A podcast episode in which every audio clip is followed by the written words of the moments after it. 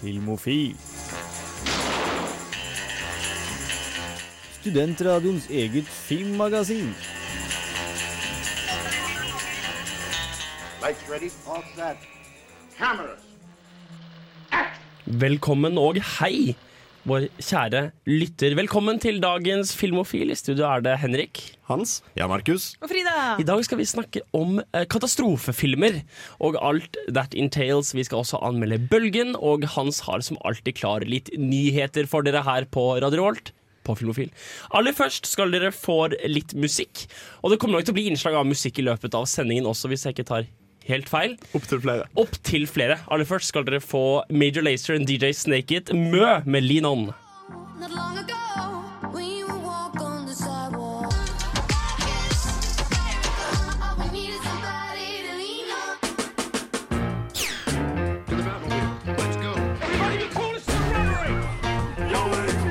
Dette er Filmofil.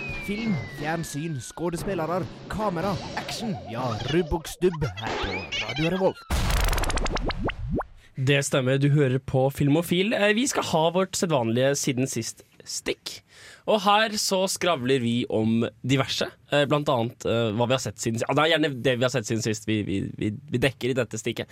Uh, Hans, uh, Ja. har du gjort noe, helst sett noe siden sist? Jeg har sett en del serier siden sist.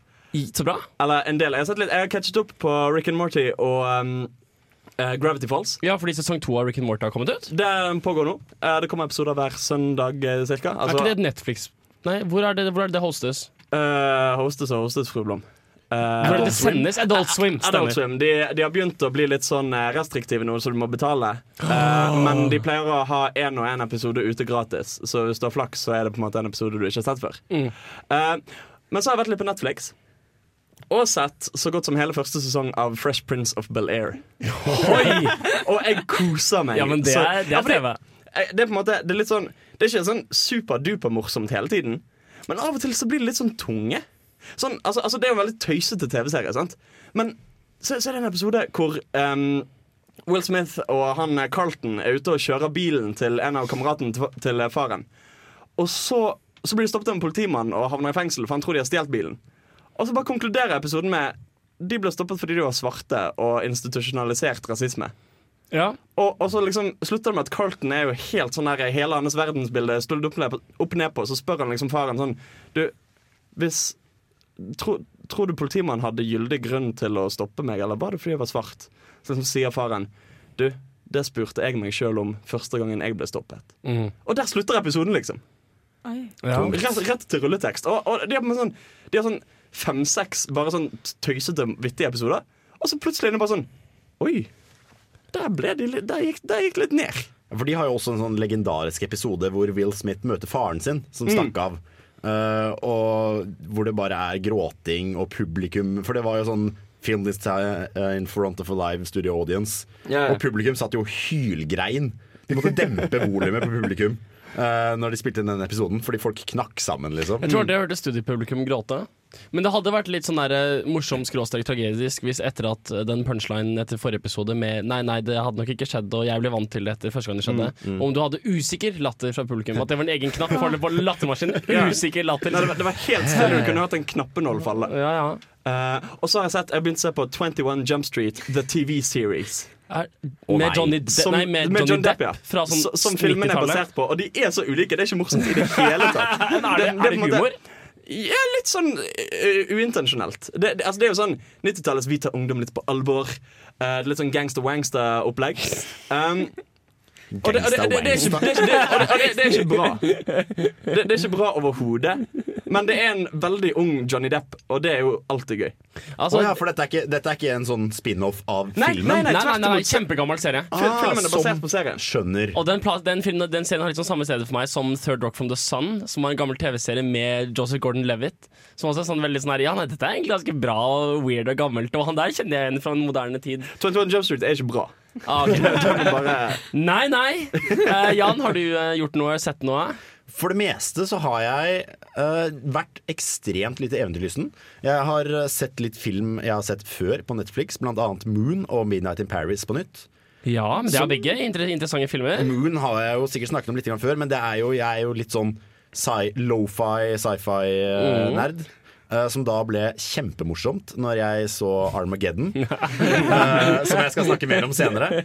Men uh, utenom det så har jeg også sett litt eh, lister for Top Movies of 2014, hvor jeg snublet over en i eh, subscriptions på YouTube. Og så er det sånn hm, 2014 og 2013, det var knallår. Så jeg har sett masse filmer eh, som har blitt liksom sånn, lagt inn på topp ti-lister. Ja. Og så har jeg lagt meg en svær spilleliste som jeg skal se til neste sending. Ja, men Det er faktisk veldig gøy. Jeg pleier også å gjøre det, lage sin kjempeliste, og så pleier jeg å se de første to, og så har jeg litt sånn De resterende ti pleier jeg ikke å se. Så jeg har, har da, jeg har da liksom en, en videohylle full av, av filmer jeg da liksom ikke har sett. Men så var liksom Å, det var den perioden jeg skulle se Jackie Chan, og det var den perioden jeg skulle se gamle sånn derre um, American Ninja og liksom Kung Fu Eller ikke Kung Fu Hustle, men uh, American, altså sånne derre slåssefilmer, gamle mannefilmer. Så Enter the Dragon. Og, ja, akkurat. Og, og så har jeg mange sånne påbegynte lister. Men det, filosofien min her er at film er litt som potetgull eller øl. Hvis du har det, så ser du eller spiser det. Så jeg har tenkt å laste ned alt sammen, og så bare har jeg på PC-en. Og så plutselig en dag sitter jeg og skal gjøre et eller annet fornuftig, og så bare ender jeg opp med å se det jeg har på PC-en liggende istedenfor. Jeg fungerer helt omvendt. Hvis jeg har lasta den ned, så føler jeg på en måte OK, da har jeg gjort det. Så da synd jeg ikke å se den. Det er kjempeirriterende. Ja, men fordi jeg, jeg er jo sånn ofte at jeg, jeg leser om artige filmer eller ser en kul trailer, og så tenker jeg 'Å, den skal jeg se!' Så, så laster jeg ned. Jeg mener kjøper den. Eh, og, så, og så er på en måte problemet at så har jeg den liggende en stund, og så glemmer jeg den. Og så sier jeg 'Oi, der var en film jeg fikk tak i på et hva faen er det for noe? Jeg, jeg, bare på en måte, jeg husker ikke hvorfor jeg ble giret på å se den i utgangspunktet. Så er det en sånn spansk tittel fordi det var en Ja, film du måtte se pga. cinematografien. som var La guitarra de la noche. Hva er dette for noe? Det er veldig bra film, OK? Du må leve deg inn i det. Du må kjenne på stemningen. Se på det fargespekteret! Herregud, mann! De filmer en maisåker i 45 minutter. Det er det beste som er gjort. Frida? Ja, eh, jeg har faktisk Siden sist så har jeg sett Eksmakene og er Ja! veldig gira. Det var bra. Det var veldig bra. Skal vi ta hele den AI- og robotsendingen om igjen? Jeg tenkte egentlig at jeg skulle eh, ikke snakke om den, siden jeg føler vi har anbefalt den så varmt som en film kan anbefales. Det var strengt tatt du som tok den opp. Ja, eh, Så jeg skal gå til en film jeg glemte å nevne forrige gang, som jeg har sett i sommer, og som jeg virkelig ikke kan anbefale nok. Og det er en veldig, veldig gammel film som heter Who's Afraid of Virginia Woolf. Oh, den er, den er en av mine videolister over ting jeg burde Ikke ha sett. sant? For den er, og det er sånn kammerspill med fire skuespillere som liksom over en natt blir litt sånn ødelagt. Og, men fy faen for en bra film! Altså, Elizabeth Taylor er en så god skuespiller og spiller da mot Jeg vet ikke om han var eksmannen hennes der og da, eller om de fortsatt var gift mens de spilte denne filmen. Og de spiller et sånn destruktivt eh, par som bare, bare ødelegger hverandre og bruker et yngre par som er på besøk hos dem. Eh, for som våpen mot hverandre i en sånn helt forferdelig Den var så ille at dagen etter deg så Full Metal Jacket, Stanley Kubrick sin film om Vietnamkrigen, ganske jævlig, det var, ink, det var ikke noe problem. Det var liksom sånn Nei, herregud, de bare skyter litt. No stress. Fordi den her den er så opprivende. Det var, jeg mistet litt troen på kjærligheten, må jeg være helt ærlig å si. Så alle sammen burde Ja, dere burde se den, da. Men Ikke hvis du har troen på kjærligheten, vel. Nei, hvis du kan ofre den, Ja, okay. så er det verdt det, vil jeg si. Det er virkelig fantastisk film. Det har skjedd noe veldig kult hvor en du som heter Nathan Hartman har tatt 2001 A Space Odyssey, og så har han reklippet den som om det skulle være en Wes Anderson-film. Og gjort det, fra, gjort det fra to timer 20 til 1 time 20, og tatt med masse soundtrack fra Wes Anderson-filmer. Og det forandrer hele stemningen i filmen. Det er Det er dritfett. faktisk. Det er dritfett. Er det det som skal til for at du skal like den filmen? Det er det som skal til for at jeg skal like, ligge, ligge, ligge. Absolutt. Det er, det er tilfellet. Og noen lettkledde babes inni der et eller annet sted. Nei, nei, nei, nei, det er ikke nødvendig. Det, er, det, hjelper. Det hjelper, altså Don't get me wrong. Men eh, nei, jeg har faktisk vært litt flink på det jeg pleier å gjøre, nemlig å se TV-serier. Jeg har sett en del nye ting. Uh, vet ikke om vi skal gå tilbake til det senere på TV TV-seriestikket. jeg tror vi gjør det. Jeg tror vi går til låt, og så kan dere glede dere til min personlige inntrykk av en diverse piloter jeg har sett. Vi skal ta og høre Dråpe med Pie in the Sky før vi får nyheter med Hans Majesteten i Come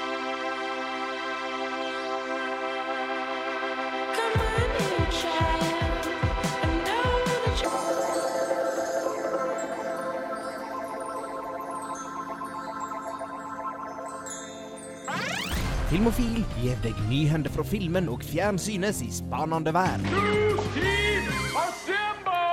Og da er det egentlig på tide å snakke om nyheter og aktualitet. Hans. det stemmer, Henrik. Uh, vi skal ha litt um, uh, Inception her. Fordi nå har vi en spalte within en spalte. Yes. Vi skal ha Twilight-nytt. Hvordan er det Inception?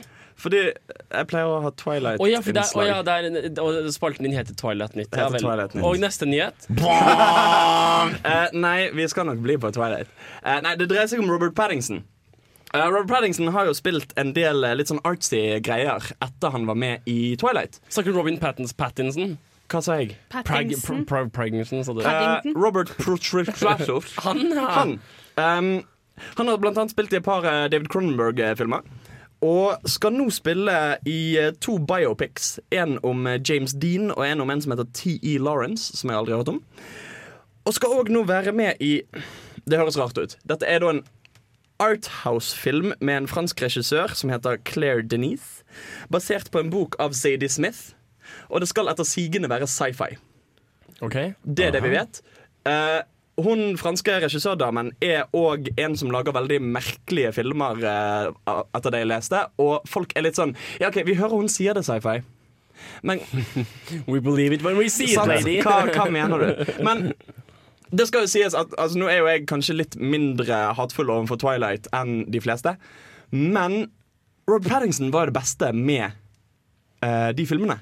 Ja, og jeg tror også han har prøvd å hva skal jeg si, vaske seg litt. Han har jo gått ut og sagt at han hater Twilight. ja. Og det, er, og det er en god begynnelse, føler jeg. Er som, Veldig god eh, begynnelse. Litt tilgitt, eh, Mm. Vi har Twilight-nytt, nå skal vi ha Shyamalan-nytt. Ja, men det er jeg med på, det, fordi det er underholdning.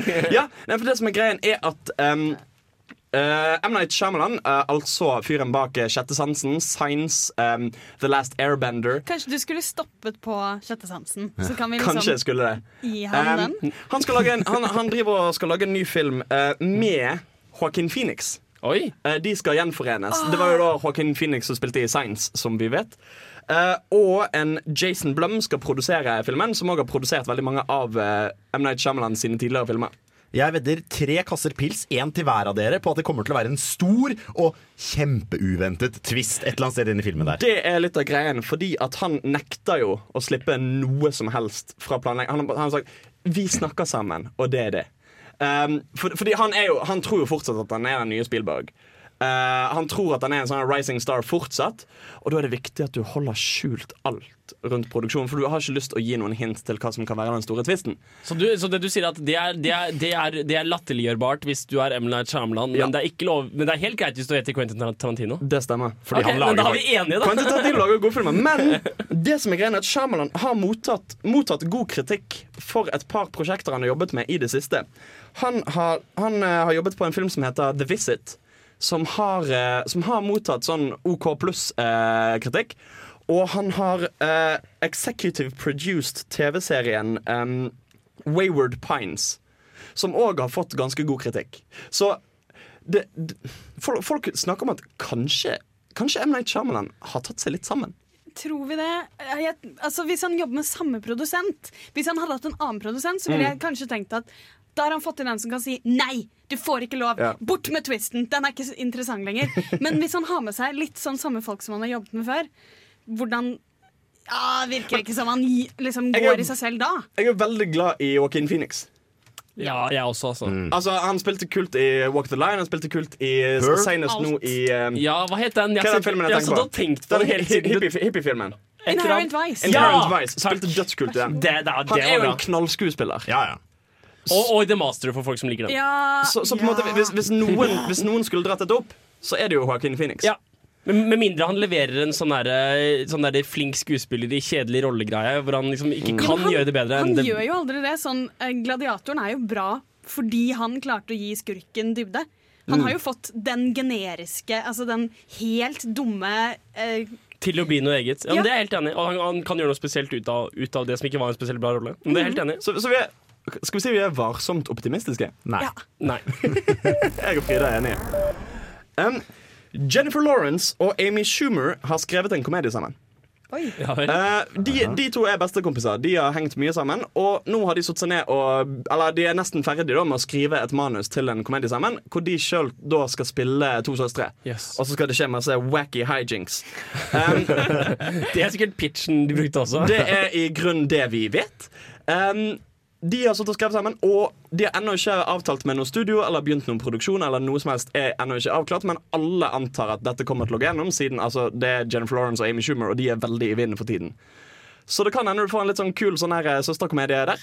Og jeg tror det kan bli bra. Amy Schumer er flink, og Jennifer Lawrence er flink. Det er sant. Så Men er man ikke litt keen på at folk som kan skrive, skal skrive, og folk som kan skuespille, kan skuespille? Altså, Amy liksom- Schumer skriver jo materialet sitt sjøl. det er sant. Hun er jo standup-komiker, og det er jo Det er sant. veldig vanlig overgang. Hvor ofte er det at du har sett en standup-komiker lage en bra spillefilm, Frida? Er det ikke det Kom igjen, da! Kom inn da Er ikke it! Louis C.K. Bring er jo en TV-serie. Ok, men Louis er, en, Louis- han er faktisk en filmskaper som drev som begynte med standup. Samme, samme, samme med Woody Allen, som er en forfatter og filmskaper som ble Ja, standup. alle, disse, alle disse som jobber med Judd Apatow, er jo på en måte med i prosessen, og så sitter han bak og drar litt i trådene. Det er jo det som kommer til å skje. De kommer til å få en veldig god produsent som kan si litt sånn Ja, ok. OK, dette her er ikke helt filmmessig. Ja, vel, jeg er fortsatt ikke var, varsomt og optimistisk, eh, men jeg kan være villig til å høre på dere hvis dere sier at den er bra, og så vente til den kommer ut på DVD. Amazon Studios skal lage en TV-serie basert på filmen Galaxy Quest. Hva var det for en? Det var, det var filmen om et crew fra en film som Ja. plutselig spånet opp i en ekte scenario. Altså, så nå er det var litt sånn weird sånn. jo, altså, altså Filmen handler jo om en gjeng som spiller i et Star Trek-type show. Ja, det stemmer. Og så er det romvesener som henter de inn fordi at de tror at de faktisk er Har den kompetansen. Um, det er en kjempe, kjempeartig film, uh, med blant annet uh, han der fyren fra Harry Potter spiller Snape. Alan Rickman. Alan Rickman. Uh, hun der som spiller uh, i Alien.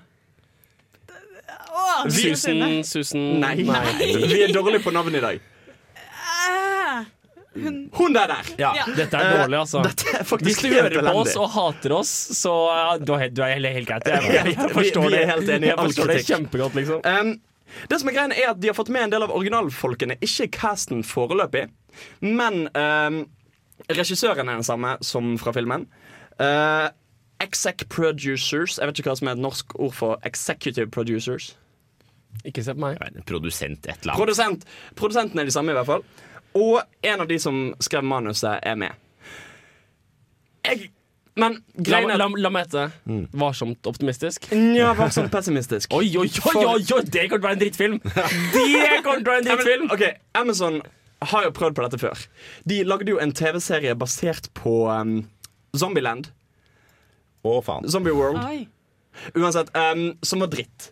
Hvor de basically bare sånn Hva hvis vi på en måte lager en fortsettelse? Og så gjør vi akkurat det samme. Og så gjør vi akkurat det samme med dårligere skuespillere og dårligere manus. Og godt under en prosent av Og egentlig helt uten hooken som Jesse Eisenberg begynte filmen med med. Og det er jo midt oppi den der eh, innholdskrigen som alle disse streamingtjenestene er i nå. Ja. Så De prøver egentlig bare å gripe så mange original IPs som Ja. mulig. Ja, ja. Cashe inn noen folk, og så si 'Vi har denne serien, likte du filmen? Abonner på oss'. Saksopplysning IP Intellectual Property. Takk til meg. Uh, men det er jo også, um, Paramount Studios som driver og pusher på dette.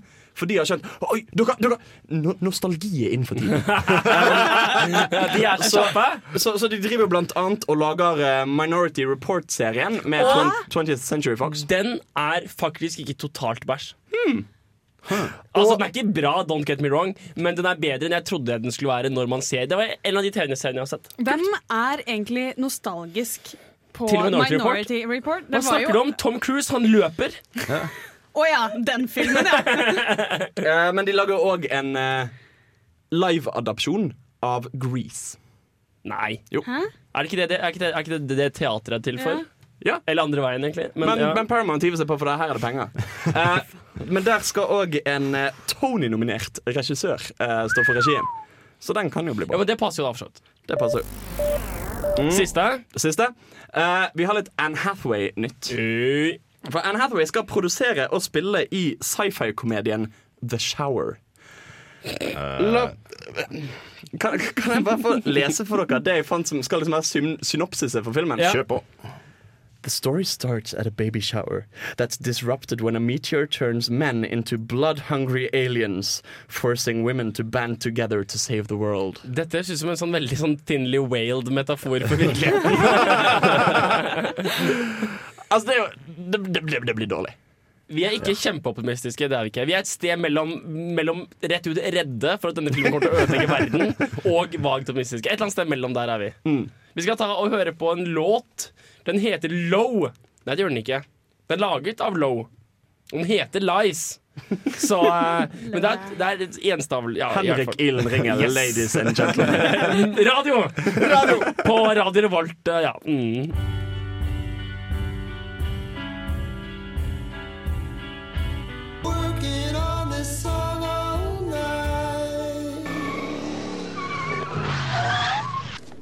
My calculations are correct. When this baby hits 88 miles per hour, you're gonna see some serious shit. Du hører på Filmofil på Radio Revolt. What did I tell you? 88 miles per hour! Dagens anbefaling er ikke nødvendigvis navnet på dette stikket. Det er dagens anmeldelse som er temaet for eh, dette eh, stykket med samtale. Det stemmer. Og grunnen til det er en samtale, er fordi preproddingen ikke eksisterer. Men det vi derimot skal gjøre, er å snakke om filmen. Det skal vi. Det har vært en hektisk uke. Det har vært en hektisk uke. Vi i Samfunnet har hatt eh, opptak. Og om to uker kan dere få gleden av å høre på vår nye medarbeider Trine. Liten, hyggelig, entusiastisk filmentusiast. Mye som Frida selv. Så eh, hvis dere ikke hører forskjell, så er det opp til dere. Eh, vi hadde egentlig ikke tenkt til å lampshade det noe mer enn det. Nei. Eh, Hans, har, Ja. du, har du vært og sett, sett, sett Bølgen? Jeg har vært sett Bølgen, den nye norske katastrofefilmen. Og Eller ja, den eneste. Ja, for så vidt. uh, og jo da. Jo da. Ja, Såpass! Det er en ren norsk sekser. For folk har jo liksom sagt at dette er jo nesten som Hollywood. Ja, sant. Og sitter og klapper i hendene. Ja, men det, det er jo litt som når du sitter på sånn her eh, på, så, på sånn her fjøre i eh, indre Hardanger. Bare sånn Ja, det her er nett så Sandy Beach.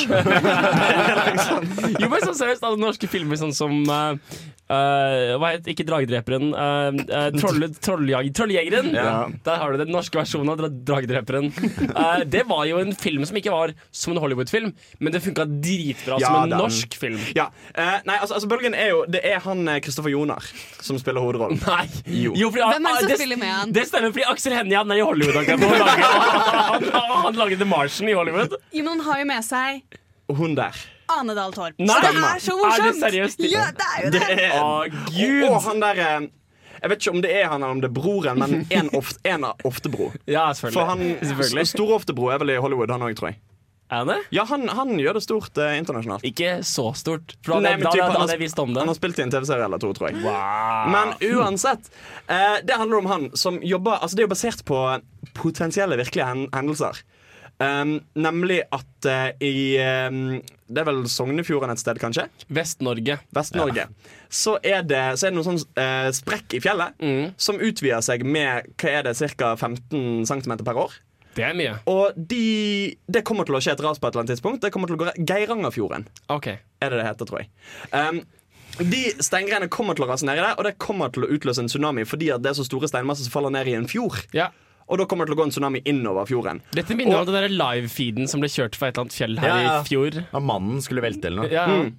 Eh, så det er basert på det da, at det skjer. Så da Ah. er det Kristoffer Jonas som spiller en sånn um, geolog som er på liksom, overvåkningsstasjonen hvor de følger med på dette og gjør undersøkelser. La meg gjette. Han sier at nå kommer det til å rase snart, men gutta på toppen hører ikke på han. Det er artig at du skulle Nei! Fordi Det som skjer, er at de sitter jo der da eh, med et kobbel av andre sånn Oi, de der er norske skuespillere, og de eneste norske skuespillerne som fins, ja. Stemmer det?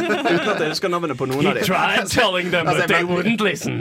Aksel Hennie er i Hollywood. så De har sånn én fyr som spiller to forskjellige roller, bare i forskjellig sminke og drakt. Ikke sant? Um, nei, så, så han merker at det er noe feil med utstyret. De andre Nei, du, det er sikkert bare et eller annet som har skjedd. Og han bare hmm, jeg, har en, jeg har en ekkel følelse. Ender han opp med å kjøre jeep kjempefort sammen med en dame og dattera hans som han ikke er gift med, som kan være en potensiell etterpå-love interest? Ender han opp med- Både ja og nei. Okay. Han kjører fort i en jeep. Ja! Vi, vi, vi, Nei, det er jo alle klisjeene. Han prøver å gi beskjed, de tror ikke på han. Han hadde helt rett hele tiden, selvfølgelig. Selvfølgelig. Um, Det hadde vært så kjedelig om det ikke var treffelig. Det hadde vært kjedelig om det var den mockumentaryen av mannen som skulle rase i fjor, og så skjedde det ikke.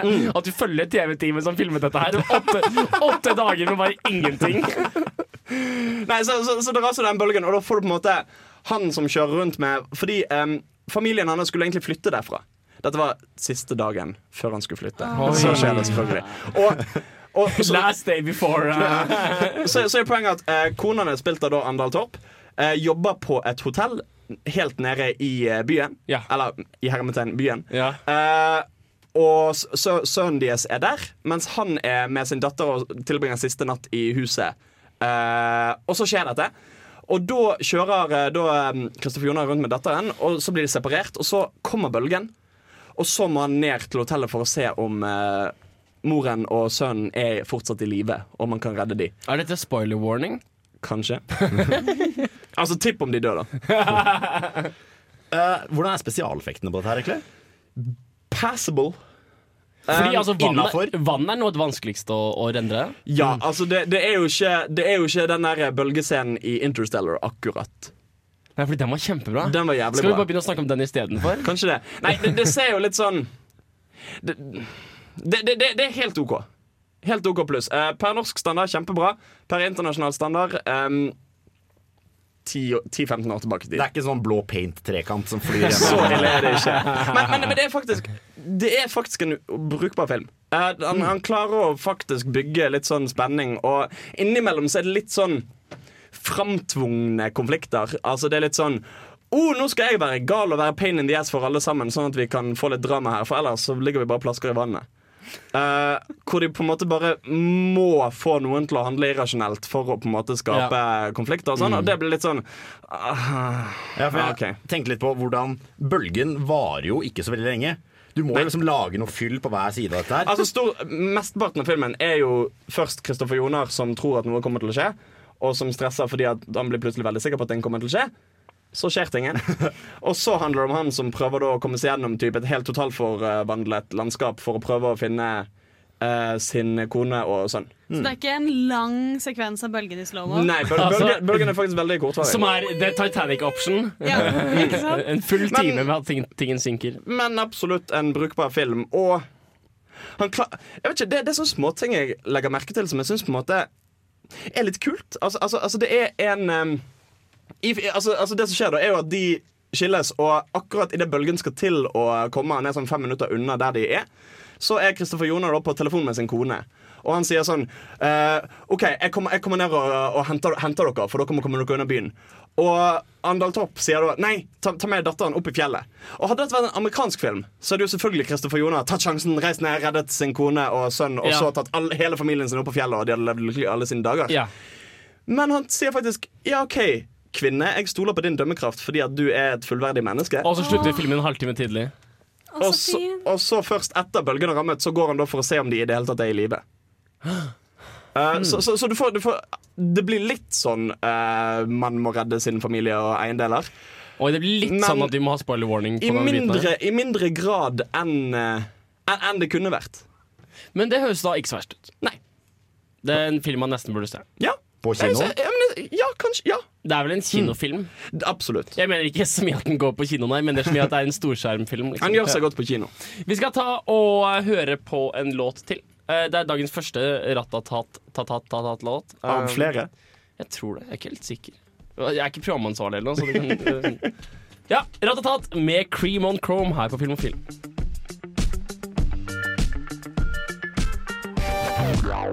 Vi er tilbake, og vi skal begynne med dagens tema. Vi begynte jo på en måte med dagens tema i stad, Det ikke? er faktisk helt sant, fordi dagens tema er ikke tilfeldig valgt.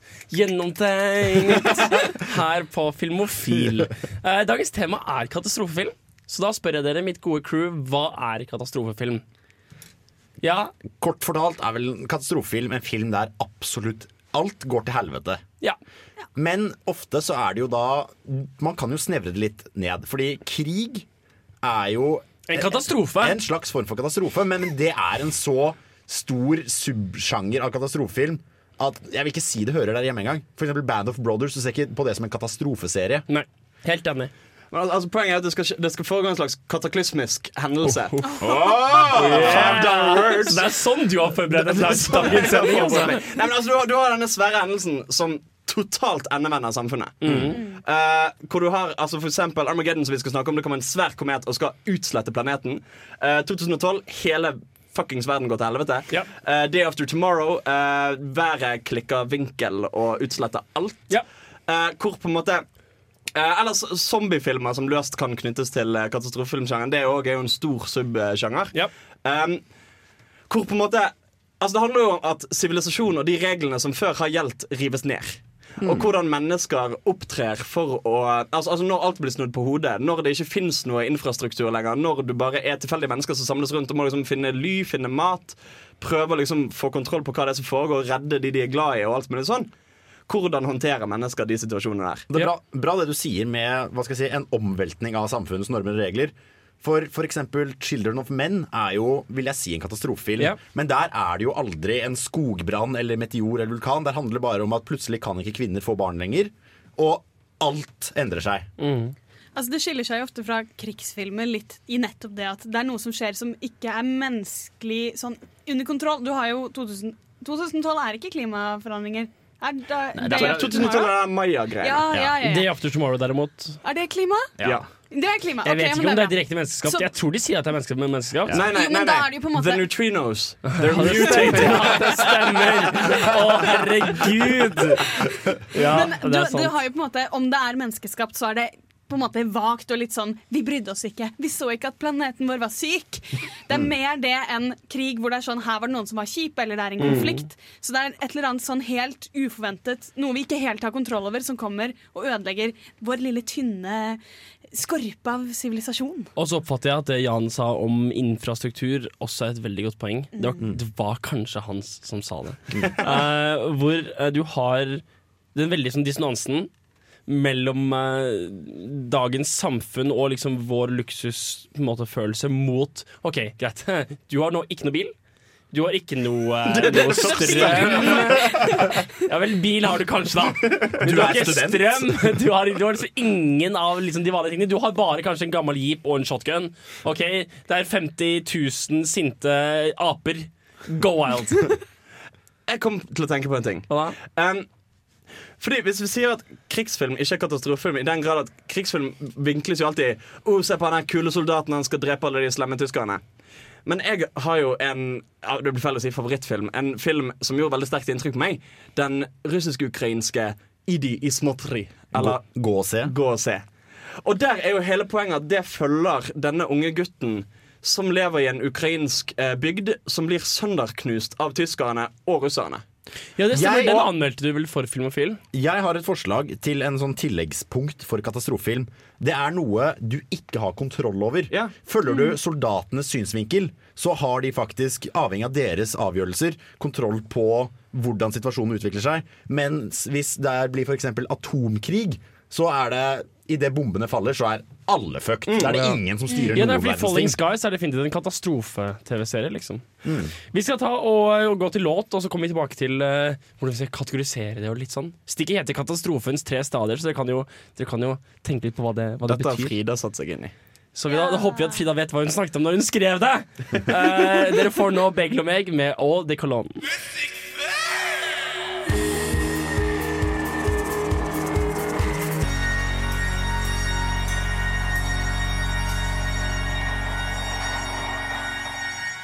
Frida, når vi har varmet våre struper og kulden setter inn, da, sitter, da står jeg foran mikrofonen og lurer på hva i helvete Hva betyr katastrofens tre stadier? Ja, det, altså, det er jo det er en catchy tittel. Det er det Ja, ingen det, som ja, kan ja, om. ja, herregud, det er kjempebra. Altså, hvis, hvis, det var, hvis hvert stikk var i tre sekunder, og alt du sa var tittelen på stikket, så hadde dette vært bra radio, liksom. Altså, Jeg tar et fag som heter folkemusikk. Sounds and grooves. Oi. Det høres kjempekult ut. Det er ikke så kult. Innholdet er ikke så bra. Så Frida, li, live up to the hype. Uh, ja, nei, du har jo Jeg bare syns vi burde snakke om hvor katastrofen ligger i forhold til filmen. Eh, fordi katastrofen kan enten ha skjedd før filmen, at det er i filmen, eller om, om katastrofen er på en måte avslutningen, som du har liksom pre-apokalypse. Flott. Da har vi. Destroyer med Times Square her på eh, Jeg synes et artig um, Altså Det er på en måte Det, det er jo bare første og siste stadium. Men hva med Mad Max-filmene? Hvor i den første Mad Max-filmen så ser du at det er i ferd med å skje noe. At Den er ikke sånn kjempeapokalyptisk. Men alt er ikke som det skal. Det er litt sånn lovløse tilstander. Og det er åpenbart at et eller annet er i gjære. Det kan også hende at det har noe med at de hadde budsjettet deres var to knappenålshoder og en tyggis. Jo, jo! Men altså, Mad Max-filmen er veldig klart post-apokalypse-sjanger. Og det er, Ikke egentlig ikke, det er egentlig ikke så katastrofefilm. Men det er jo åpenbart at en katastrofe finner sted. Ja. mellom Mad Max 1 og 2 et sted. Det er sant. For Mad Max 1 er ikke så postapokalyptisk av seg. Mad Max Fury Road er veldig postapokalyptisk. altså. Hva slags filmer det er det som som- er preapokalyptisk, pre- da? Ja, for det, det kommer vi tilbake til, for der har jeg ikke funnet så mange. Jeg kom på Cabin in the Woods, bare for å spoile den. Den Er er jo på en måte det er sant, det er en og det, Nei, du kan ikke ta den med uten å spoile den, faktisk. Så vær så god Men, men nå glemmer du jo teorien om det. Ja, Hæ? den Blå, blå si. Det, Blå si, er dette relevant filmteknisk teori? Overhodet ikke. Ah, okay. for det som jeg syns er interessant, er at eh, postapokalyptisk Eller der hvor katastrofen allerede har skjedd, enten helt i starten av filmen eller før filmen startet, så har du en mye mer filosofisk tilnærming til menneskeheten. Der går de jo på en måte veldig ofte inn i mye mer i hva skjer med mennesket når vi går tilbake til naturtilstanden og samfunnskontrakten Ja. brytes. Mens den dybden finner du aldri hvis filmen foregår under Nei, for da er det, da er det en actionfilm. Da løper man. Da er- løper man det er mye. sant. Da er det basically en sånn spesialeffekt-porno. Ja, sånn som, sånn bare- som 2012, som var bare det. det var Ja. John Cusack kjører bil. Men man skjønner jo ikke helt hvorfor. Hvorfor kan det ikke inneholde samme som filosofiske dybden mens apokalypsen skjer? Hvorfor har vi bare løping da? Jeg har prøvd å se etter en litt sånn filosofisk løpefilm, men jeg har ikke funnet Nei, fordi det er vanskelig. Herregud, det brenner! Men du har du tenkt på hva som skjer hvis, hvis alle brenner? Har du tenkt på hva som ja. Kom igjen, løp! Løp! Jo, men Du kunne jo hatt noe veldig sånn om hvordan vi rives opp. Eh, sånn mens medmenneskelig samarbeid. Jeg tror det er litt mer på at de som setter seg ned foran vulkanen og begynner å filosofere, blir slukt. Og de ser du ikke, for de dauer. Det er et godt poeng. Det minner meg litt om den, der, den scenen i Oceans, i Oceans Eleven hvor Don Cheadle sitter og ser på huset sprenges på TV-en. Og så ser du fra filmvinkelen at det skjer ut, rett utenfor vinduet, vinduet hans. Så han sitter og ser på destructionen skje på TV-en, som han kunne bare sett ut av vinduet med mye, mye bedre oppløsning. Poenget mitt jeg hadde et poeng. Poenget var at det, du kunne hatt en sånn apokalypsefilm, katastrofefilm, der det hadde vært utrolig kjedelig. Disse folka ser, ser det skje på TV-en og ser disse nyhetsmeldingene. 'Herregud, dere må evakuere nå!' evakuere nå Og så bare dør alle, og så er filmen over. Tror du det hadde vært kjedelig? Jeg tror, jeg tror det hadde vært like interessant med liksom hvordan man prøver å samarbeide Altså mens noe skjer. Nei, nei, det, det ville vært fornektelse. De bare overser det. det var, nei, jeg orker ikke. jeg orker ikke, det skjer ikke. den Det er filmen. bare, De det er bare med, medieopphopning. Og jeg, jeg, disse liberale MSNBC Nei, nei, nei. nei, nei, nei. Trump 2016! Jeg hadde sett den filmen. Vi skal ta og gå til en liten låt som faktisk nevnt. Så er det, nei, nei, først skal jeg høre Hva var den jævla teorien om Cabin in the Woods? Jeg må høre det. Ok, uh, Cabin in the Woods er jo da skrekkfilmen. uh, skrekkomedien. Ja. Skal vi legge inn en spoiler-warning Ja, her? spoiler warning om Cabin okay, in the Woods. spoiler, Jeg kommer til å avsløre slutten. Ja. Poenget er på slutten så avsløres det jo at um, de menneskene som er i den hytten hvor disse skumle tingene skjer, er valgt ut pga. egenskaper hos Ja, de. ja. Og at de må drepes for å uh, tilfredsstille en eh, svær gudaktig skikkelse Ja. som bor under bakken. Ja. Poenget er at den gudaktige skikkelsen er oss seeren. Og Ah. ofrene. ofrene altså, altså det er en metafor for skrekkfilm. sant? For vi, Yes. vi må se um, den uh, Vi må se jomfruen, vi må se som dør, ja. jocken som dør, smartingen som dør. I en viss rekkefølge. Altså, Og hvis altså vi ikke får det, så kommer vi til å stå på og ødelegge. Smashe skiten. Wow. Sant? Det likte jeg. Det likte jeg veldig godt. Nå fikk jeg litt sånn film-hard-on her. Mens jeg filmtar på meg selv, så skal dere få Destroyer med Times Square. Dere på Radio Volt. Dere på Filmofil. Lik oss på Facebook, da.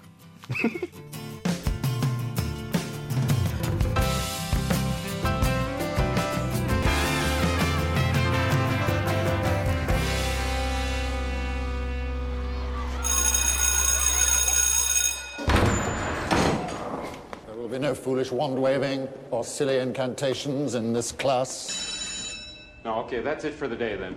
Today we have a similar debate over this. Anyone know what this is, class? Anyone? Anyone? Anyone seen this before? Ukens hjemmelekse. Og ukens hjemmelekse var faktisk om katastrofefilm. Eh, mer spesifikt Armageddon. Armageddon. Og jeg har jo, som jeg nevnte tidligere i sendingen, eh, en forkjærlighet for litt sånn lofi, sci-fi. Litt sånn vitenskapsbasert, eh, sånne ting. Hvor kommer Armageddon inn i bildet? Jeg har ikke ledd så mye siden jeg så White House Down i Forsvaret. Eh, og det, jeg fant jo, som jeg nevnte i forrige sending, at de, NASA bruker den her for å teste forskerne sine i hvor mange feil kan du finne. Og jeg har jo ikke veldig mye peiling. Jeg har spilt Kerbal Space Program, lest lite grann. Uh, og jeg skjønte at når du begynner å kjøre en romferje som et fly med sånn kontinuerlig brennende motorer gjennom tåka og lander den, da er det virkelig noe som ikke stemmer. Altså Det skal jo sies at altså, det finnes et tallfestet antall feil. 168. Sant. Og filmen er rundt så mange minutter lang. han er litt kort, Det er over én feil i minuttet. Det er litt som Rambo, hvor han i snitt dreper én person i minuttet Ja. i den siste filmen. jeg, jeg liker godt den der voiceover-kommentaren fra Ben Affleck, hvor han spurte Michael Bay Er det ikke lettere å lære astronauter å bore enn det er å lære drillfolk å være astronauter? Så sa Michael Bay shut the fuck up. og det sier mye om plottet i denne filmen. her Det er mer effekt og det er mer Michael Bay enn det er noe annet. Men til gjengjeld, det var bra for sin tid. Ja, Det er så Michael Bay. Og den filmen her ble jo faktisk, som jeg nevnte tidligere, en katastrofefilm er gjerne sånn katastrofeporno. Og den ble jo nominert for beste spesialeffekter i Oscar. Ikke at den vant noen ting. Eh, Det hadde tatt seg ut om en eh, Michael Bay-film faktisk vant Oscaren. Har vel aldri gjort det? Tror ikke. Nei. Jo, det er ikke umulig at de kan ha vunnet for klipping, eller noe sånt, for Michael Bay har eh, han, han har noe creds på rent sånn kameravinkling og klipping og sånn. Hmm. Men uansett, uh, dette er jo en film hvor da folk setter ned kaffekopper i saktefilm. Fordi Michael Bay. Men de har et klipp her uh, som jeg har funnet fram, hvor de, bare for å understreke Jeg har ikke tatt de mest actionfylte scenene, for de gjør seg dårlig på radio. Men uh, hvor, bare for å understreke hva skal jeg si, banaliteten og hvor lættis skrevet denne filmen er, så har jeg et klipp her hvor Eh, Bruce Willis som leser opp borernes krav for å ta denne kjempefarlige jobben. Assault, arrest, resisting arrest. We got a collection agent for the mob. Two of these guys have done serious time. Look, they're the best at what they do. So am I. And I'm not so optimistic. We spend $250 billion a year on defense. And here we are. The fate of the planet is in the hands of a bunch of retards I wouldn't trust with a potato gun. Og dette er da So what's the selvfølgelig? Bruce Willis som kommer, som du hører på musikken. They've made a few requests, though. Such as? Yes. A few things here. Uh, nothing really big. Uh, just, well, I mean, as an example, uh, uh, Oscar here has got some outstanding parking tickets. Uh, wants them wiped off his record. 56 tickets in seven states. I'll, I'll tell him, Oscar. I got it. Okay. Uh, Noonan's got two women friends that he'd like to see made American citizens, no questions asked. Max would like you to bring back eight-track tapes. Not sure if that's going to work, but uh, let's see what else. Uh, chick wants a full week's Emperor's package at Caesar's Palace. Uh, hey, you guys wouldn't be able to tell us who actually killed Kennedy, would you? Og dette er da altså filmen Michael Bay vant en Best Director Saturn Award. Yeah! Så det er ikke tull. Nei, men han, han skal jo ha for innsatsen. F.eks. De listene som ble lest opp her, tvang han skuespilleren til å skrive selv for hånd. Det er- Så det er jo- kult. Det er jo ekte, hva skal jeg si Ekte innlevelse er og ofring. Ja, altså, Herregud. Nei, uh, vi kan vel trygt si at Michael Bay var bedre før. Og dette er en film jeg syns var kul. Jeg liker denne filmen. Altså, den holdt seg ikke så godt opp som jeg trodde den skulle når jeg så den igjen denne uka. Den har faktisk overraskende nok fått et lite timingproblem, og um, den slutter jo å være kul etter at de drar til, til utlandet. Altså, Slutter den ikke å være kul etter du ble tolv? Oh. Vet du hva, jeg vil, bare, jeg vil bare si som kommentarfeltet under traileren på YouTube til denne her All these science guys can just fuck right off. This is the best movie ever. Vi skal ta og høre på eh, Burns med The Emotion. Eh, Noe du har lyst til å si som tar åtte sekunder, Hans? Hei, jeg heter Hans. Det var ikke åtte sekunder. Uh, ja, radio.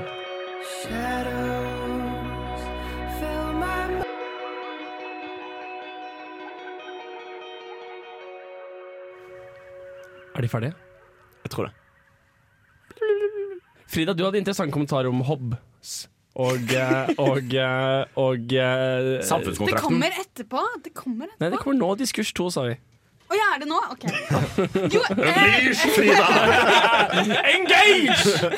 jo, men det er, jo, er det ikke helt utrolig fascinerende hvor jævla lite tiltro de har til folk? Det er sånn derre eh, Noe er litt skummelt. OK! Alt! Vi bare lar alt falle fra hverandre. Alle krangler med alle, og alle løper rundt og slår ned alle. Hvorfor tror de ikke på at mennesker kan samarbeide? Jeg skjønner ikke. Altså, det, det selger jo ikke billetter, men det, altså, det, det som forskningen viser, er jo faktisk at når ka svære katastrofer inntreffer, så kommer det beste i mennesker fram.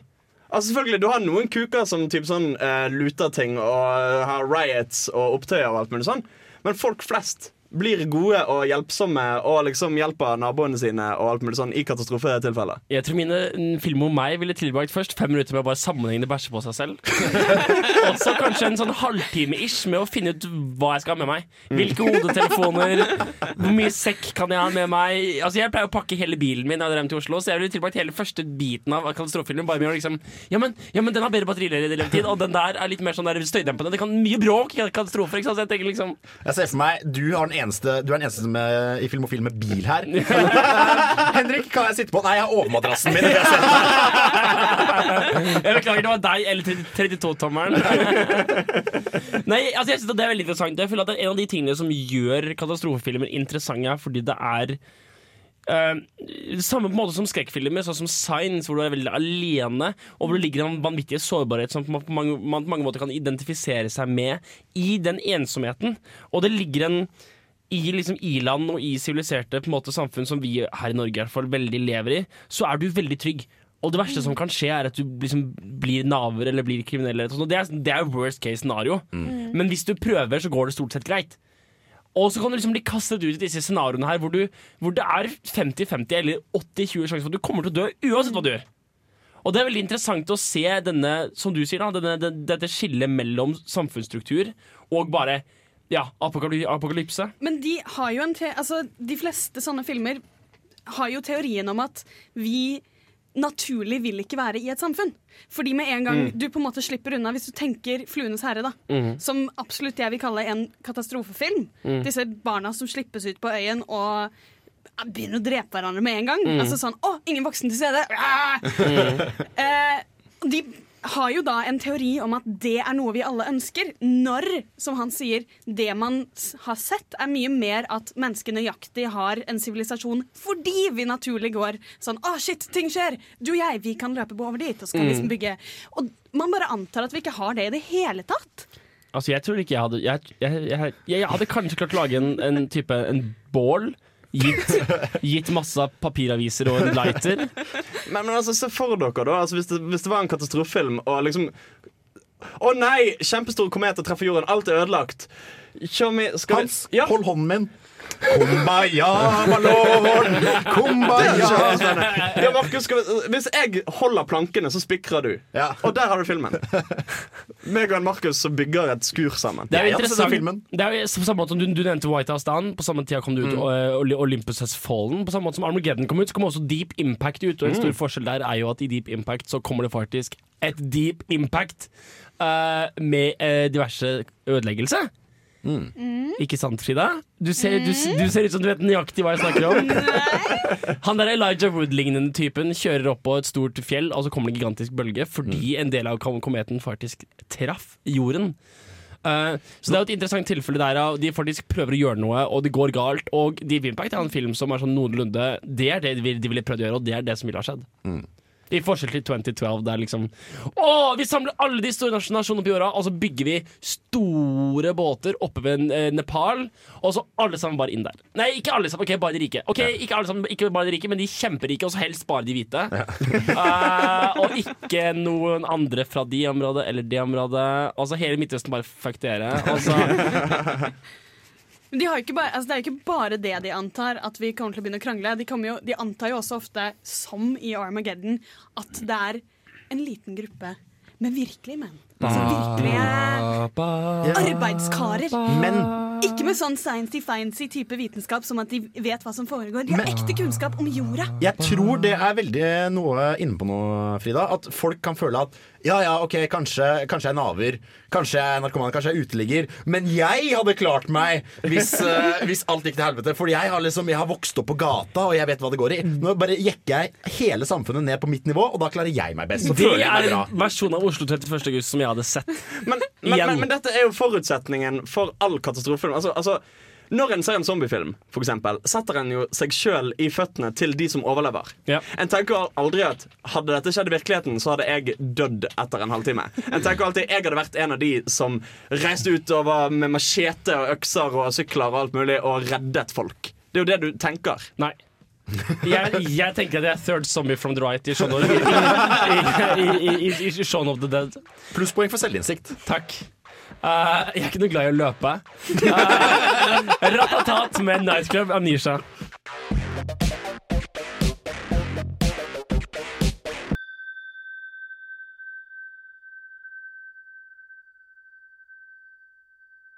Skal vi Er det skal vi, skal vi, Nei. Dette var lite, lite, lite radiovennlig slutt. Ja. Hva skjer nå?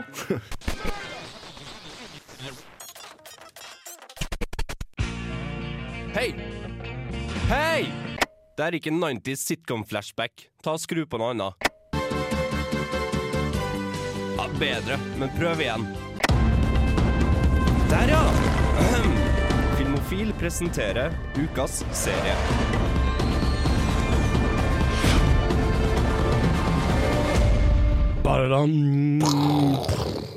Jeg har sett en serie.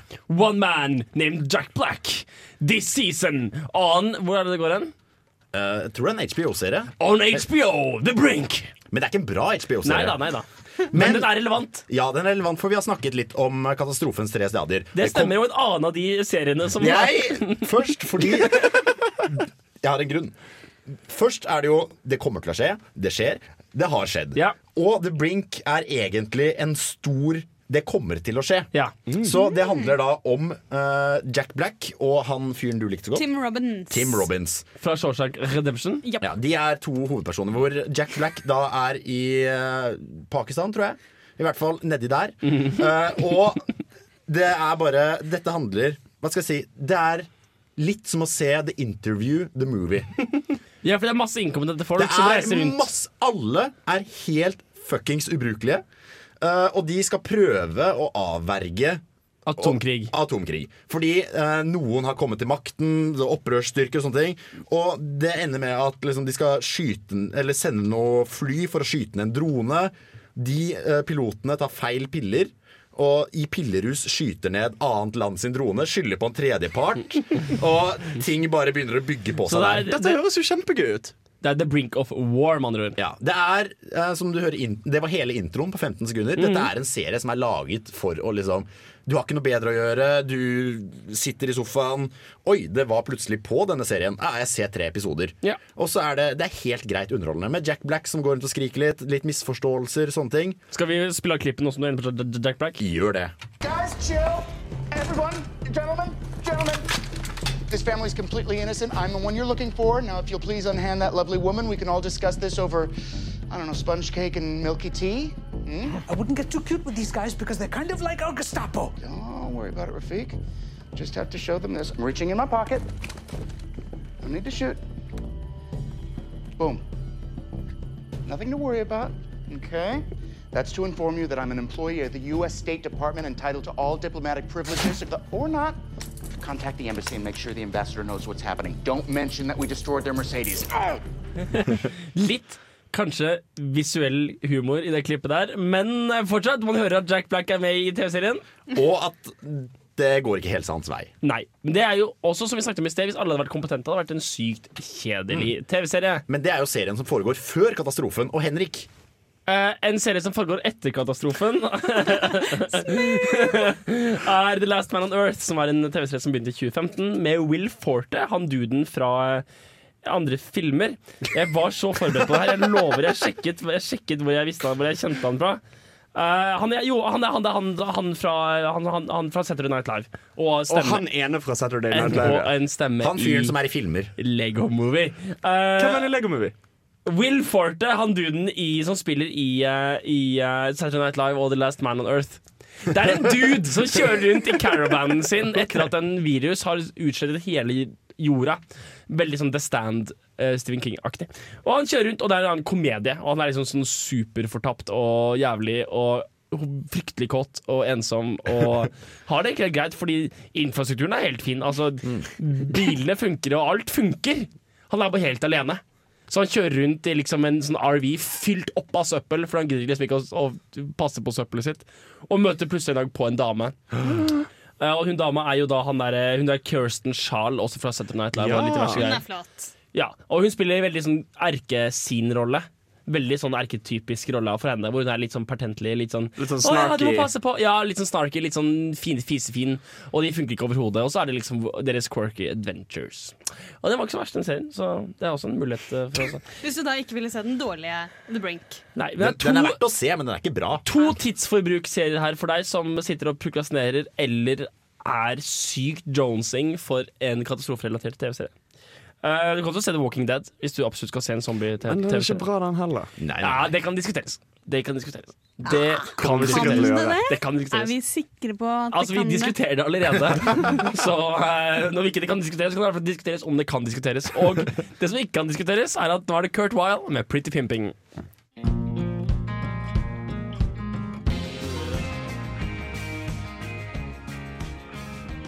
Play it once.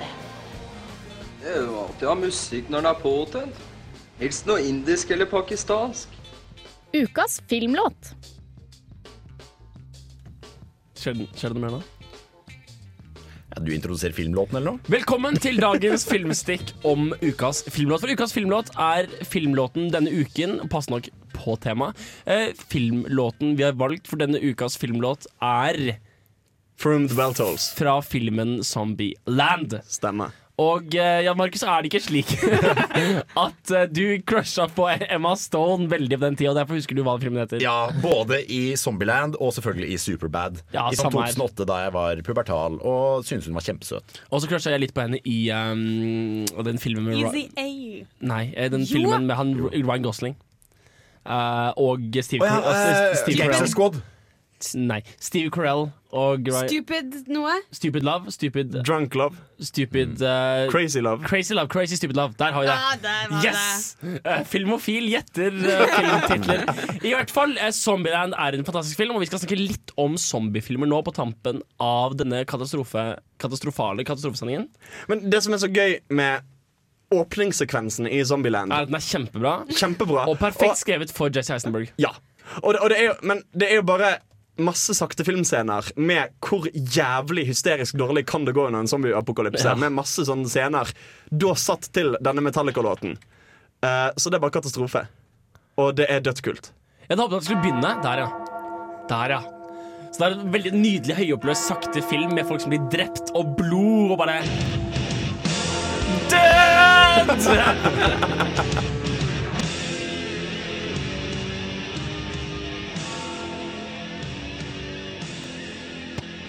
Og fade out. Det er som vi er tilbake på 80-tallet. Ja, jeg husker det. Som den eneste som faktisk var født på 80-tallet. Metallica her, folkens. eh, For de av dere som savner god, gammeldags radio. Only 80s kids will get this. Ride the Lightning tror jeg albumet heter, og Metallica var bra da. Da. Eh, Zombieland var filmen, og det var altså en zombiefilm. Så hvis vi ser på zombie som en sjanger, ikke som en skrekksjanger, som i 28 Days Later, men heller som i en uto... Nei, det vel feil ord. Dystopisk. Dystopisk. Eh, realitet type World War Z. Eller uh, Zombieland. Skal du snakke zombiefilm, så er den første du kom på World War Z. Ja, men Det er den siste jeg har sett. jeg vil si at det er verdt å nevne. Ikke fordi filmen er bra, fordi Brad Pitt drikker Pepsi, og så løser alt seg. Det var for det sykt irriterende. Jeg så den scenen igjen etterpå. Bare, herregud, Men det er som en, som en katastrofefilm, så er det ganske bra å fremheve den. For det er jo sånn Alt går jo til helvete. Og så er det en veldig global film. ja, og de løper fra sted til sted, og liksom omtrent hele filmen så har de på en måte zombiebølgen i hælene, og alt de er nær, bare dauer Ja. ti sekunder etter at de har vært der. Ja. Så katastrofefilmmessig bra. Ja. Andre filmer? Altså, du Om har zombier? Al altså Dawn of the Dead. Dawn of the Dead. Dawn of the Dead er faktisk en veldig bra film, men det er, da er vi tilbake på zombie som skrekkfilm. Eh, Hva med, hva med Resident Evil? Det er til og med Apocalypse i navnet på toeren. Du liker den kun fordi Mila Jovovich er med. Mila Jovovich! Yay! Um, nei, det som er interessant med zombiefilm, er at det andre katastrofefilm er bare sånn Oi, alt knekker og blir ødelagt. Så zombiefilm tvinger en jo til å konfronteres med døden på mye mer direkte måter. Altså Du har dine døde kamerater og familiemedlemmer som bokstavelig talt følger etter deg og aldri gir deg fred eller pause. Ja. Og så finnes det jo eh, Jeg tenkte vi skulle nevne bare sånn i forbifarten Som er samme type sånn reiseaktig sjanger som zombiefilmer ofte er. Så var det noen som nevnte The Road. Det er ingen zombier i The Road. Nei. Men du føler det litt. Du føler at det er litt sånn her, det er et eller annet veldig farlig der ute. Mm. Og det er kanskje det som er fellesnevneren for zombie-apokalypsefilmer. Altså at det er litt sånn derre Ikke bare er du alene. Og ikke bare er det no one to save you, men det er en veldig sånn clear and present danger av å være ute og alene. Er det ikke noen som, jeg må bare, Siden vi først snakker om zombiefilmer eh, Man har jo dette problemet at infrastrukturen faller sammen, og man må løpe. Ja. det, har Ja. vi, det har vi etablert. Det- Vi er enige om det. Hvor blir det av sykler? Det har, jeg har hørt noen nevne det før. Og hvis man tenker seg om sånn, Det er ganske lett å sykle fra zombier, for jeg tror ikke de kaster seg på en sykkel og følger etter deg. Nei Hva, altså, Det kommer an på om det er raske zombier eller trege zombier. Da. Det fins de kjempes som Dawn of, Dawn, of the, Dawn, of the, Dawn of the Dead, som da er veldig sånn Ikke-filmer jeg egentlig skulle nevne, men fortsatt. En, de bare vagger sakte rundt. Og så har du Zombieland-zombier som bare liksom løper. Sprinter, liksom. Sånn kjøttbølge av død. Ja. Det som er litt interessant med uh, Shaun of the Dead, bare tilbake tilbake til den, er jo faktisk at den er jo kanskje den eneste katastrofefilmen som viser hvordan vi egentlig ikke forandrer oss i det hele tatt. Sånn mm, etter katastrofen er ferdig, så fortsetter jo ting som før. Og så går du og ser sånn som dette reality-klippet helt på slutten, med hun som fortsatt er sammen med mannen sin, som har blitt en zombie. Ja. Sånn, er sånn skikkelig Ricky Lake. Sånn der, ja, men selv etter zombiekatastrofen så fortsetter vi å være veldig det samme. Mm. Så den stiller seg jo veldig mot veldig mye av den eh, 'alt faller sammen', hva blir vi nå? Ja, men det er jo et poeng, fordi at i Shaun of the Dead er det jo aldri noen Altså sånn kjipinger som dukker opp i mange zombiefilmer. da Altså for eksempel um, The Walking Dead i sesong tre eller fire, tror jeg. Hvordan vet du dette hvis du ikke liker serien? Jeg har jo sett det. Hans elsker å se dritt. Um, det har vi etablert. Men, men poenget er der dukker det opp folk som er onde, og som på en måte bruker katastrofen for egen vinning. Mm. Men det ser du aldri i Shaun of the Dead. Der er det kun samhold. Og så når de møter på en annen gruppe mennesker, som i The Walking Dead, ville vært sånn Å, helvete, der kommer det andre folk. De vil sikkert prøve å drepe oss. Så bare sånn Å, hei, det er jo showmiene mine. Hva faen? Vink litt. Mm. Gå forbi hverandre. Ser at vi er ikke så forskjellige. Det er også den derre folk som blir fullstendig jævlig å ha med å gjøre. I The Road så er det jo etter katastrofen, vil jeg påstå. Eh, og der har du jo kanskje sånn noe av de ekleste antagonistene som er portrettert på film. Hvor folk begynner å spise andre mennesker, for det er ikke andre ressurser. Og Mm. der har du den at de holder sammen, men kun av egoisme. Og Mm. kun for å overleve på andres bekostning. Og det er kanskje det som gjør ikke bare at man kjenner veldig på hvor vanskelig det hadde vært å være uten infrastruktur, uten sivilisasjon og uten samfunn, men også det med at uh, katastrofefilmer er veldig sånn interessant innblikk i menneskets råskap, da, som jeg har egentlig dekket litt sånn halvveis gjennom hele sendingen. Du har jo Jeg kan ikke tro at jeg har glemt den filmen. Heter, tenk, tenkte du på filmen 'Menneskets rå råskap'? Nei. Jeg tenkte på filmen This Is The End. Ja! James Franco og Seth Rogen-filmen. Hvor, um, hvor du har jo han der Jeg husker han, han feite som de er skitne med. Han som ingen Jonah husker. Hill. Nei. Zack Jeffnackis? Nei. Han andre, uansett, som først liksom eter all maten deres. Ja, han der, ja. Og så stikker han, og så gjør han Det er vel um, Channing Tatum til sin sånn sexslave. Og bare på en måte drar den der grusomheten helt ut i sånn her komedisk Danny McBride. Det er det. Ja. Og The End er jo egentlig Book of Revelations, bare satt til, satt til film full av stjerne, stjernekameraer. Og den funker jo! Det er knallbra. Altså, det er jo, det er jo det er director um, Nå holdt på å si eh, come-outen til eh, Det er ikke det riktige ordet. Til, uh, til Seth, Ro Seth Rogen. Og den filmen den funker jo faktisk, og den overrasker deg litt, og den er litt sånn faktisk kul. Ja, ja. Det er veldig morsomt. Der har du det der med samfunnsstrukturen som raser igjen. De, har jo, de er jo rike kjendiser, de har jo alt. Livet ligger for deres føtter. Og så, når katastrofen inntreffer, så er de jo da de minst egnede menneskene. De er så ubrukelige! Virkelig. Uh, vi skal ta og uh, gå til uh, låt. Uh, det skal få litt uh, Faye Wildhagen, eller Vildhagen. Litt usikker på hvilket språk det der er, kanskje, hvis hun synger på norsk. Hun gjør nok ikke det, fordi navnet på sangen er Fire in the Mount, On the Mountain. Så da- Hun, eh, jeg, kan, i- jeg har gått på skole med henne. Så hun er faktisk norsk. Det vet er jeg. Men vet du om navnet skal sies på norsk eller på engelsk? Hun heter vel Fay Wilhagen. Nå ble det merket til at jeg ikke Du kjenner ikke så godt. OK! Er bestevenner, faktisk. Takk for ekspertkommentator. Hver gang du trår på en sånn sånn Hei, fei, fu, fu.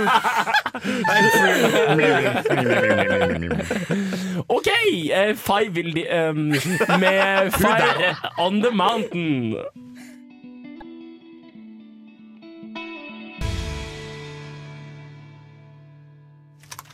Ja, skjer det noe Nei? OK, greit. Det er Eh, mye lite det radiovennlige låter i dag. Det er mye sånn låter som bare slutter lenge før det står de skal slutte. Jeg skal sende en melding til Fay, jeg. Og så skal jeg spørre hvorfor sangen Way to stay on subject. Ja.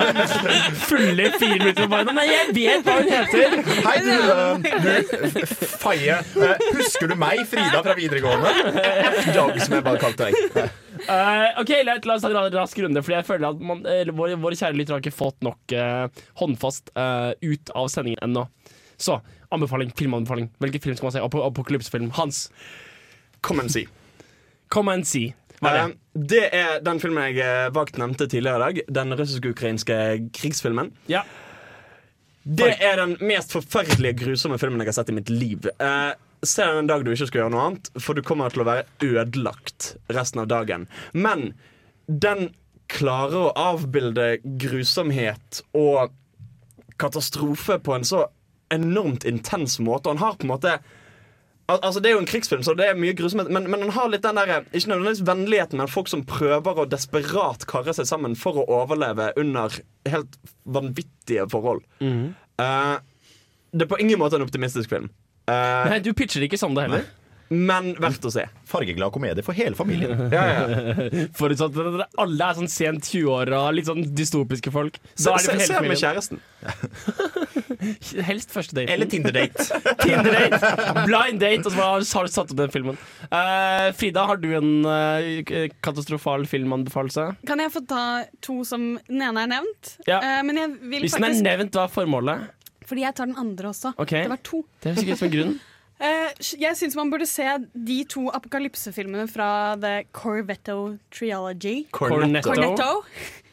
OK, takk. Godt forsøk. Takk, takk. Som er Um, This Is Nei, The End er, of the World. Uh, the World's At End. The World's End. Takk. Uh, og Shaun of the Dead. For jeg syns at i motsetning til veldig mye uh, katastrofefilmer, så går de ikke for mye inn i sånn Det er gøy når ting er jævlig og det er lov å skyte folk. De på en måte prøver å si noe ordentlig om hva Noe om oss og hva vi egentlig er inni oss, og hvordan vi er sta og barnslige og egentlig ikke helt fortjener det samfunnet vi har fått. Mhm. Og det er også, bare for å prate litt om uh, The World's End, eller The End of the World, eller hva den het. Eh, den siste At filmen The World's End. Ja, At World's End. Pirates of the Caribbean. Uh, men i hvert fall, selv om den ikke er like bra som resten av trilogien, så er den er veldig bra. Men det er den filmen jeg har sett som best klarer å formidle følelsen å være drita. I en film. Du føler deg drita Ja, det er du skjønner akkurat hvordan de har det. Det er sant. eh, uten at den, den blir bare forvirrende. Det er en helt fantastisk følelse du sitter igjen med. Ja. Jeg- Du skal få komme med din anbefaling nå, Jan. Ja, det er uh, Hva skal jeg si? Klassikeren, kalkunen, filmperlen Dantes Peak. Og Pierce Brosnan og, brennende, Ah, yeah! og brennende bestemødre. Der har vi også selvfølgelig klisjeen. Han kjører i en jeep. Fuck yeah! Men den filmen er altså så bra. Nei, den er det ikke. Det, det er en helt fantastisk scene. Jeg spoiler i vei, fordi det er Nei, men seriøst, ikke spoiler, for vi skal se den. Nei, jeg må, jeg må fortelle den scenen hvor de bare for å få litt melodrama og tragedie inn i den, så kjører de over et sånn hav eller en innsjø som har blitt full av syre fordi vulkan. Og eh, når de er 20 meter fra 20 meter fra kysten eller eh, land, så går motoren i, til helvete fordi syrebad. Eh, Og så- da bestemmer du- Ja, og da, idet de driver sakte inn mot land, så bestemmer bestemoren seg for Nei, fuck det her. Kaster seg selv over rekka og begynner å dytte båten. Kommer da i land og sånn og så dauer hun eh, uten at det egentlig hadde noen ting å si. De hadde overlevd uansett. Men det var trist. Ja, dere, må se, dere må se Zombieland. Det er min anbefaling. Og så er jeg på lista Jeg så en sånn liste hvor Watchmen var en av dem. Eh, Det er ikke mye, det er ikke mye apokalyptisk film. Aldri stol på lister. For all del, men Vi skal, ta, vi skal ta høre Speedy Ortiz med A Puffer. Yeah.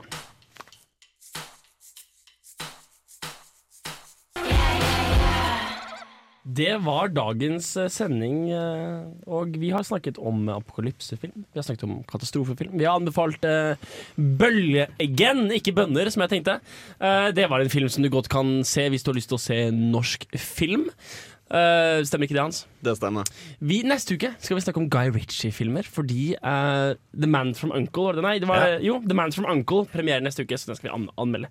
Det blir veldig fett! Det blir dritbra her på Film og Ukas hjemmelekse. Ukas hjemmelekse er da selvfølgelig en Guy Ritchie-film, og det blir Rock'n'rolla. Rock Han har ikke laget mange filmer, han Guy Ritchie. Jeg tror han har laget 13 stykker han har director credit på, men de er bra! Rock'n'rolla må ses til neste uke. Uh, det har vært uh, Henrik. Hans. Ja, Markus. Frida. Takker for oss her på Film og Film. Ciao! Bye.